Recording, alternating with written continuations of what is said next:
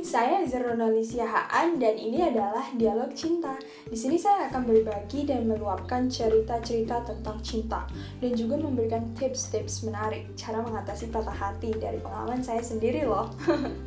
Berdasarkan kisah cinta saya, saya ingin mencurahkan semua perasaan melalui podcast ini daripada saya memendam sendiri, sakit sendiri, lebih baik saya meluapkan melalui podcast ini berlangganan sekarang agar Anda tidak melewatkan episode-episode pertama dan rilis pada waktu dekat ini.